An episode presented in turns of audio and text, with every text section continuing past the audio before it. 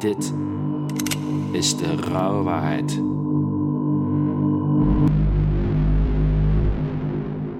Aflevering 7. Dealer op het dark web. In deze aflevering hoor je Gerrit vertellen hoe een onschuldige drugsdeal uiteindelijk uitloopt op een gigantische handel op het dark web. De politie komt hem uiteindelijk op het spoor en zet een gigantisch team op touw om hem te volgen waar hij ook is. Gerrit is een nuchtere man die niet snel zal schrikken van het een of ander. Toch wordt hij onaangenaam verrast. We gingen wel eens wiettuintjes eh, eh, leeg eh, knippen van andere mensen. Dus dan was er een eh, jochie die is eh, op school gekomen bij ons. En in de pauze had hij een beetje een grote waffel. En die was helemaal trots op zijn wiettuin. En eh, hoe grote toppie die wel niet had. En toen dacht ik, ja, dat is mooi. dat is niet zo slim om te zeggen. Dus toen eh, gingen we zijn tuin een beetje observeren. En wachten totdat hij bijna rijp was voor de oogst. En dan kwamen wij een weekje voor de oogst de tuin in gingen we tijgerend over het gras naar die, eh, naar die wietplant toe en een hele Albert Heijn tassen volgeknipt. Heb ik ze nog thuis gedroogd, stiekem op de zolder, en in de kamer van mijn broer, stiekem opgehangen, weet je wel, een voorraadkassie. En dan ging ik dat verkopen op school, weet je wel. En eh, ja, daar is het een beetje mee begonnen. Dan ging ik mijn eigen gedroogde, eh, slechte kutkwaliteit buitenwiet verkopen. Maar ja, op zo'n 14 heb je niet zoveel keuze, dus eh, mensen die namen het wel. En sindsdien eh, weten ze je wel een beetje te vinden ook, weet je wel. Dus dan is het van, oh ja, die gozer die eh, heeft wel eens een keer een wietje of een dingetje. Ja, en zo rol je er denk ik een beetje langzaam in. Ik begon eerst zelf gewoon met een lijntje. Dus vanuit die wiet van vroeger dacht ik toch ook wel, ja, het is wel interessant om andere dingetjes erbij te gaan doen. En toen eh, ben ik heel klein begonnen gewoon. De- ik, ik had ook eh, amper geld. Dan had ik één grammetje eh, ketamine voor 25 euro bijvoorbeeld. En als iemand dan eh, mij vroeg, eh eh, kan ik een grammetje ketamine halen? Dan verkocht ik hem diezelfde gram voor 25 euro. Dus ik maakte niet eens winst erop. Maar wel om alvast maar te beginnen. Dus mensen wisten mij wel te vinden. En voor die klanten, die hadden gewoon zijn grammetje. Die wist niet dat ik er nul winst op maakte. Maar ik vond het zo belangrijk om alvast te leveren. Dat ik gewoon begonnen was. En ja, zo hard ging ik er wel voor, weet je wel.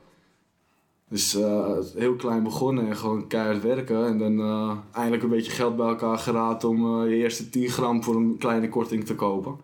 En altijd super zuinig geweest en alle winst in nieuwe voorraad steken.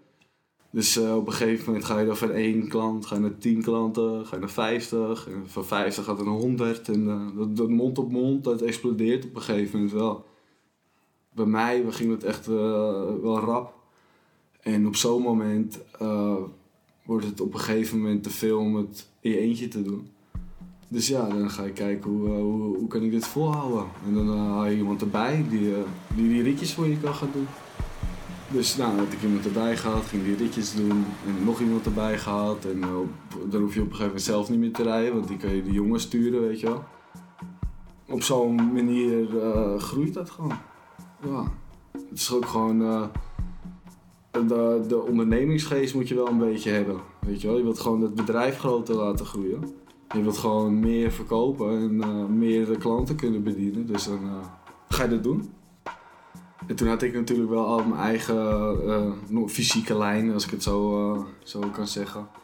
Maar die werd ik ook een tijdje, werd, ik een beetje zat na een tijdje. Want je krijgt heel veel gezeik van kleine ritjes de hele dag en de hele nacht opblijven en de hele dag op je telefoon zitten. En eh, je bent er gewoon continu mee bezig. En op een gegeven moment is, ja, zuigt het gewoon een beetje eh, je energie uit je, weet je wel. Ik werd er niet meer heel blij van. En toen hoorde ik van, die, eh, van het Darknet en hoe dat allemaal in zijn werking ging. En dat, ja, dat trok me wel aan. Dat ik dacht van ja, dan kan ik heel veel klanten bedienen. En ik hoef het alleen in de brievenbus te gooien. En dat eh, op mij eh, op een tijd dat ik het wil. En ik hoef niet meer om vier uur s'nachts de deur uit. Dus ja, dat klonk wel eh, aantrekkelijk. Dus uh, ging ik dat even een beetje uitzoeken van hoe zit het nou en dit en dat. Ja, en uh, voor je het weet uh, open je je eigen uh, webshop. Toen werd dat eigenlijk mijn core business na een tijdje. Ja, je moet, uh, het is gewoon net zo'n webshop uh, runnen normaal eigenlijk. Maar ik vond het uh, ja, een leuk proces, weet je wel. Je moet je eigen foto's maken, je verzint een naam, je verzint een, ja, eigenlijk gewoon heel merk en eh, marketing komt erbij kijken. Eh, wat wil je uitstralen? Dit, ik ging er helemaal, eh, helemaal in op. Dus ik kon er wel echt mijn eigen kwijt in, in dat stuk. Dus ik vond het wel gewoon vet om te doen. Want mijn systeem was gewoon van ik haal eruit wat ik eruit moet halen. En daar bedoel ik mee van ik trek alleen het broodnodige eruit om um, mijn investeringen te doen qua supplies, zeg maar. Dus qua voorraad, qua, qua goederen wat, wat je opstuurt. Dus daar daarmee moet je wel een soort van geldstroom hebben. Uh, dus je kan, je, kan niet alles cashen. Weet je, wel. je moet ook weer een nieuwe voorraad kunnen halen. En alles wat winst was, dat hield ik eigenlijk in bitcoins. Of ik haalde wel eens een keer uh, vakantie eruit of, uh, of dit of dat. Maar zo werkte ik eigenlijk. Het was ook een tijd dat Bitcoin in de lift zat. Dus buiten de normale winst die je draaide. En, en dat was wel veel. Want ik weet nog dat je bijvoorbeeld uh, naar Amerika deden dan wel eens een kilootje MDMA sturen. En die haalde ik dan hier voor onder de 500 euro. En die stuurde ik weg voor 5.500 euro. En dat was een één bestelling van de 50 of 60 op een dag. Dus ja, ik, ik heb uh, de rekensom nooit gemaakt, maar die kan je misschien zelf doen. Dus dat was wel lekker. En um, Bitcoin zat daarbij ook nog inderdaad in de lift. Dus uh, alles wat ik spaarde ging ook nog eens een keer, uh, keer 5 of keer 6 of weet ik veel wat het ging. Maar dat ging allemaal, allemaal goed omhoog in ieder geval. Dus op een gegeven moment was het wel heel veel waard. Maar het is allemaal zo snel gegaan natuurlijk. Dat, je dat, uh, dat hield ik helemaal niet. Uh, van tevoren had ik het nooit gedacht. Dat het dat, dat ook nog eens een keer erbij zou ontploffen.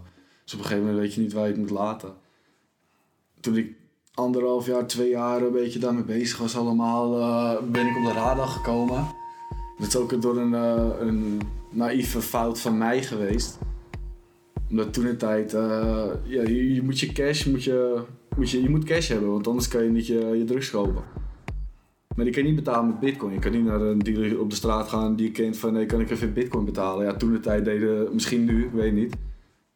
Maar toen deden de meesten dat niet. Dus je moet cash hebben. Maar je wordt uitbetaald in bitcoin. Dus heb je een probleem eigenlijk. Dus je moet die bitcoin in cash krijgen. En daar heb je allemaal mannetjes voor die, dat, die daar uh, een bepaalde fee voor vragen, weet je wel. Dus die ruilen het om en die pakken er 5% voor zichzelf. Nou, goed, prima. Dat je dan een uh, betrouwbaar mannetje of 3, 4 had ik. En toevallig waren ze allemaal uitgeschakeld uh, voor een maand of twee of zo toen de tijd. De uh, die was ermee gestopt, eentje die zat in de bias, de ene die, die, was spoorloos van de radar verdwenen. Dus ik had een probleem. Want ja, die orders die blijven binnenkomen. En je hebt geen geld om nieuwe shit te halen, weet je wel. Maar je hebt wel 60, 70, 80 orders in de wacht staan. Dus dan word je een beetje wanhopig. En toen heb ik, uh, zonder te checken, een contact overgenomen van iemand die zei van... Uh, je kan wel met deze gaan smieten. dat was wel uit onwetendheid overigens. Maar ja, ik heb die, die contact niet gecheckt. Ik heb hem gewoon kwakkeloos toen overgenomen van het zal wel goed zijn. Nou, dat bleek dus een infiltrant te zijn. Dat was eigenlijk het begin van het, begin van het einde. Want toen ik met die gozer ging, uh, met die investeerder uh, ging cashen, dus toen hebben ze dus die portemonnee uitgepluist die ik gebruikte. Want dat kan je zien als je transactie maakt. kwam er dus achter dat dus veel inkomsten op die wallet dus weer te herleiden waren naar die darknet plek. En zo is het balletje eigenlijk gaan rollen van oké, ja, deze meneer heeft het dus op een bepaalde manier mee te maken. En toen was het ook nog een beetje een nieuw fenomeen. Dus toen hebben ze echt een gigantisch team erop gezet omdat het, uh, de omvang uh, groot genoeg was voor hun om er een zaak van te maken, zeg maar. Dat ze dachten van, nou, dit zou wel uh, een goed voorbeeld zijn. En toen hebben ze me vervolgens zo'n anderhalf jaar lang ben ik gevolgd. En dat op allerlei manieren. Dus getapt, GPS-trekkers onder mijn voertuig die ik gebruikte. Observatieteams voor mijn huis als ik op vakantie ging. Uh, werd hij bij Schiphol door het team in de gaten gehouden, dit, dat. Dus zijn echt uh, heel verder ingegaan, zeg maar, om uh, zoveel mogelijk bewijzen te verzamelen tegen me.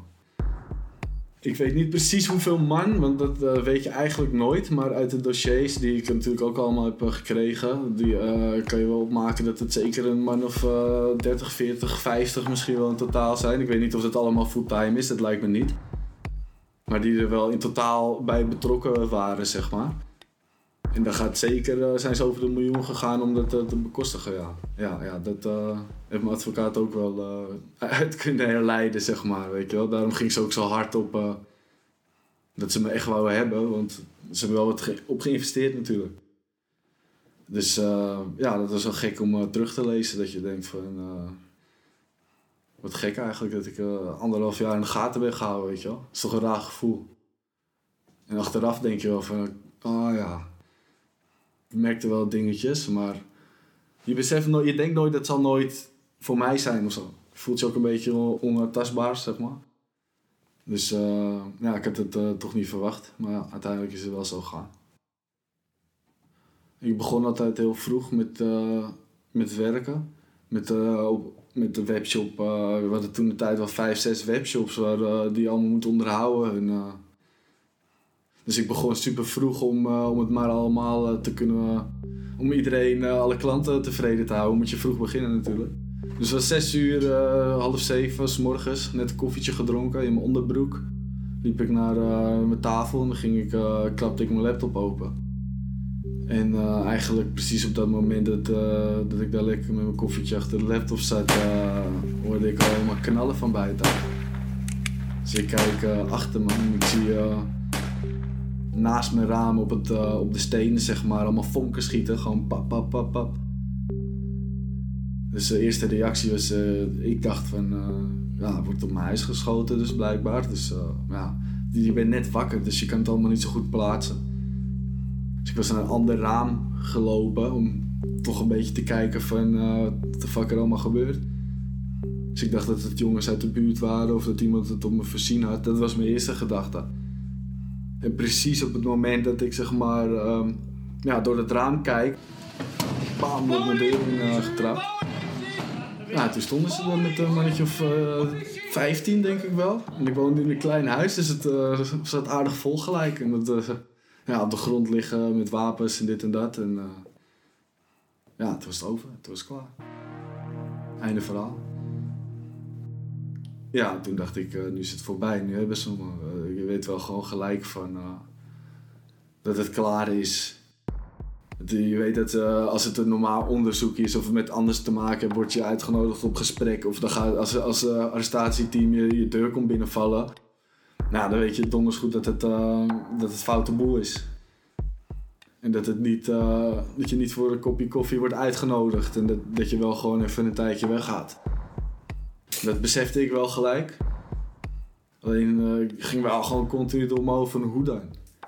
Van hoe is dit gelekt? Waar is de lek? Uh, weet je, heeft iemand me verraaien? Of uh, hoe, hoe is dit naar buiten gekomen? Dat is het enige wat eigenlijk uh, door mijn hoofd spookt op dat moment.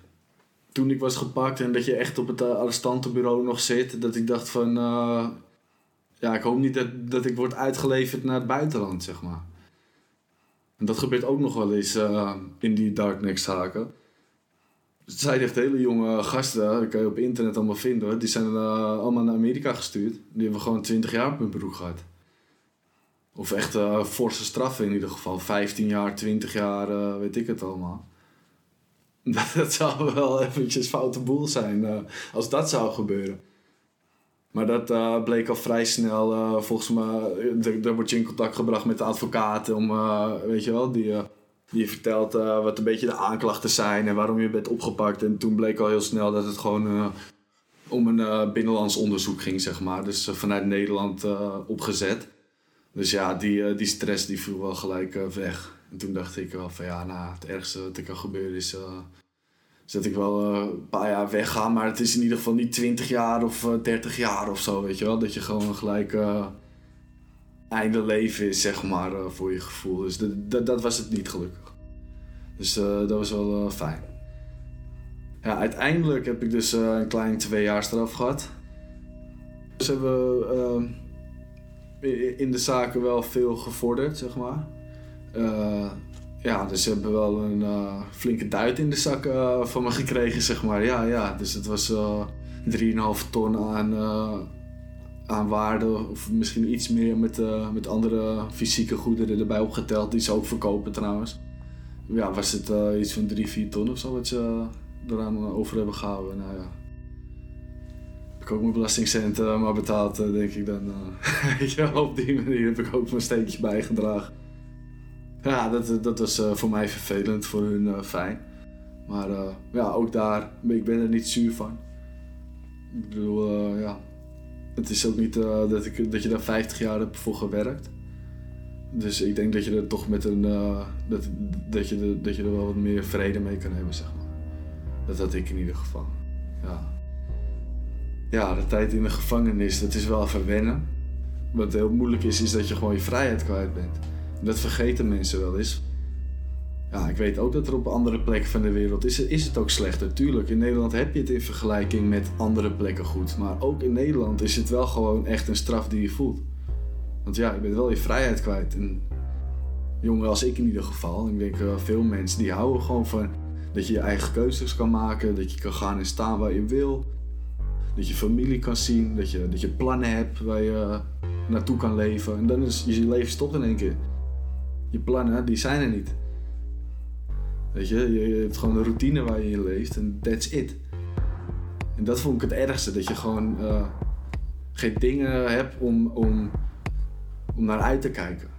Maar ja, ook uh, met dat, uh, ik denk als je gewoon positief blijft en dan dat komt allemaal wel goed. Dus met veel meditatie, toch een soort van routine voor jezelf creëren en positief blijven denken, ging het toch wel snel voorbij. En kwam ik uiteindelijk wel gewoon met de lach naar buiten en kon ik er weer tegenaan. Heb jij het lef en de gave om een soortgelijk verhaal met dit publiek te delen? Mail dan naar info.derouwewaarheid.com of stuur via Instagram een DM naar @derouwewaarheid.